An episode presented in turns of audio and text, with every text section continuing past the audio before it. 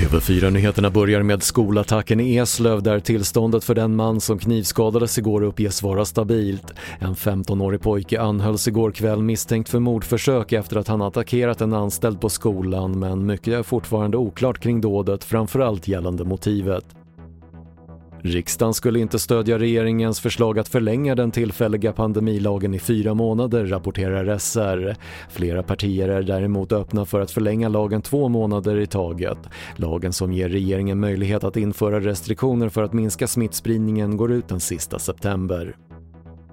Antalet covidfall ökar i Israel och efter att ha sett som ett föregångsland med hög vaccinering står nu landet inför en fjärde våg. Senaste två veckorna har antalet konstaterade fall dubblerats och från noll döda i juni har hittills 230 smittade dött i augusti enligt New York Times.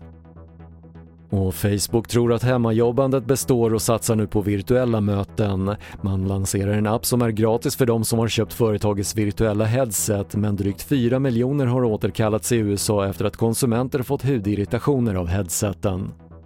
Det var det senaste från TV4 Nyheterna. Jag heter Patrik Lindström.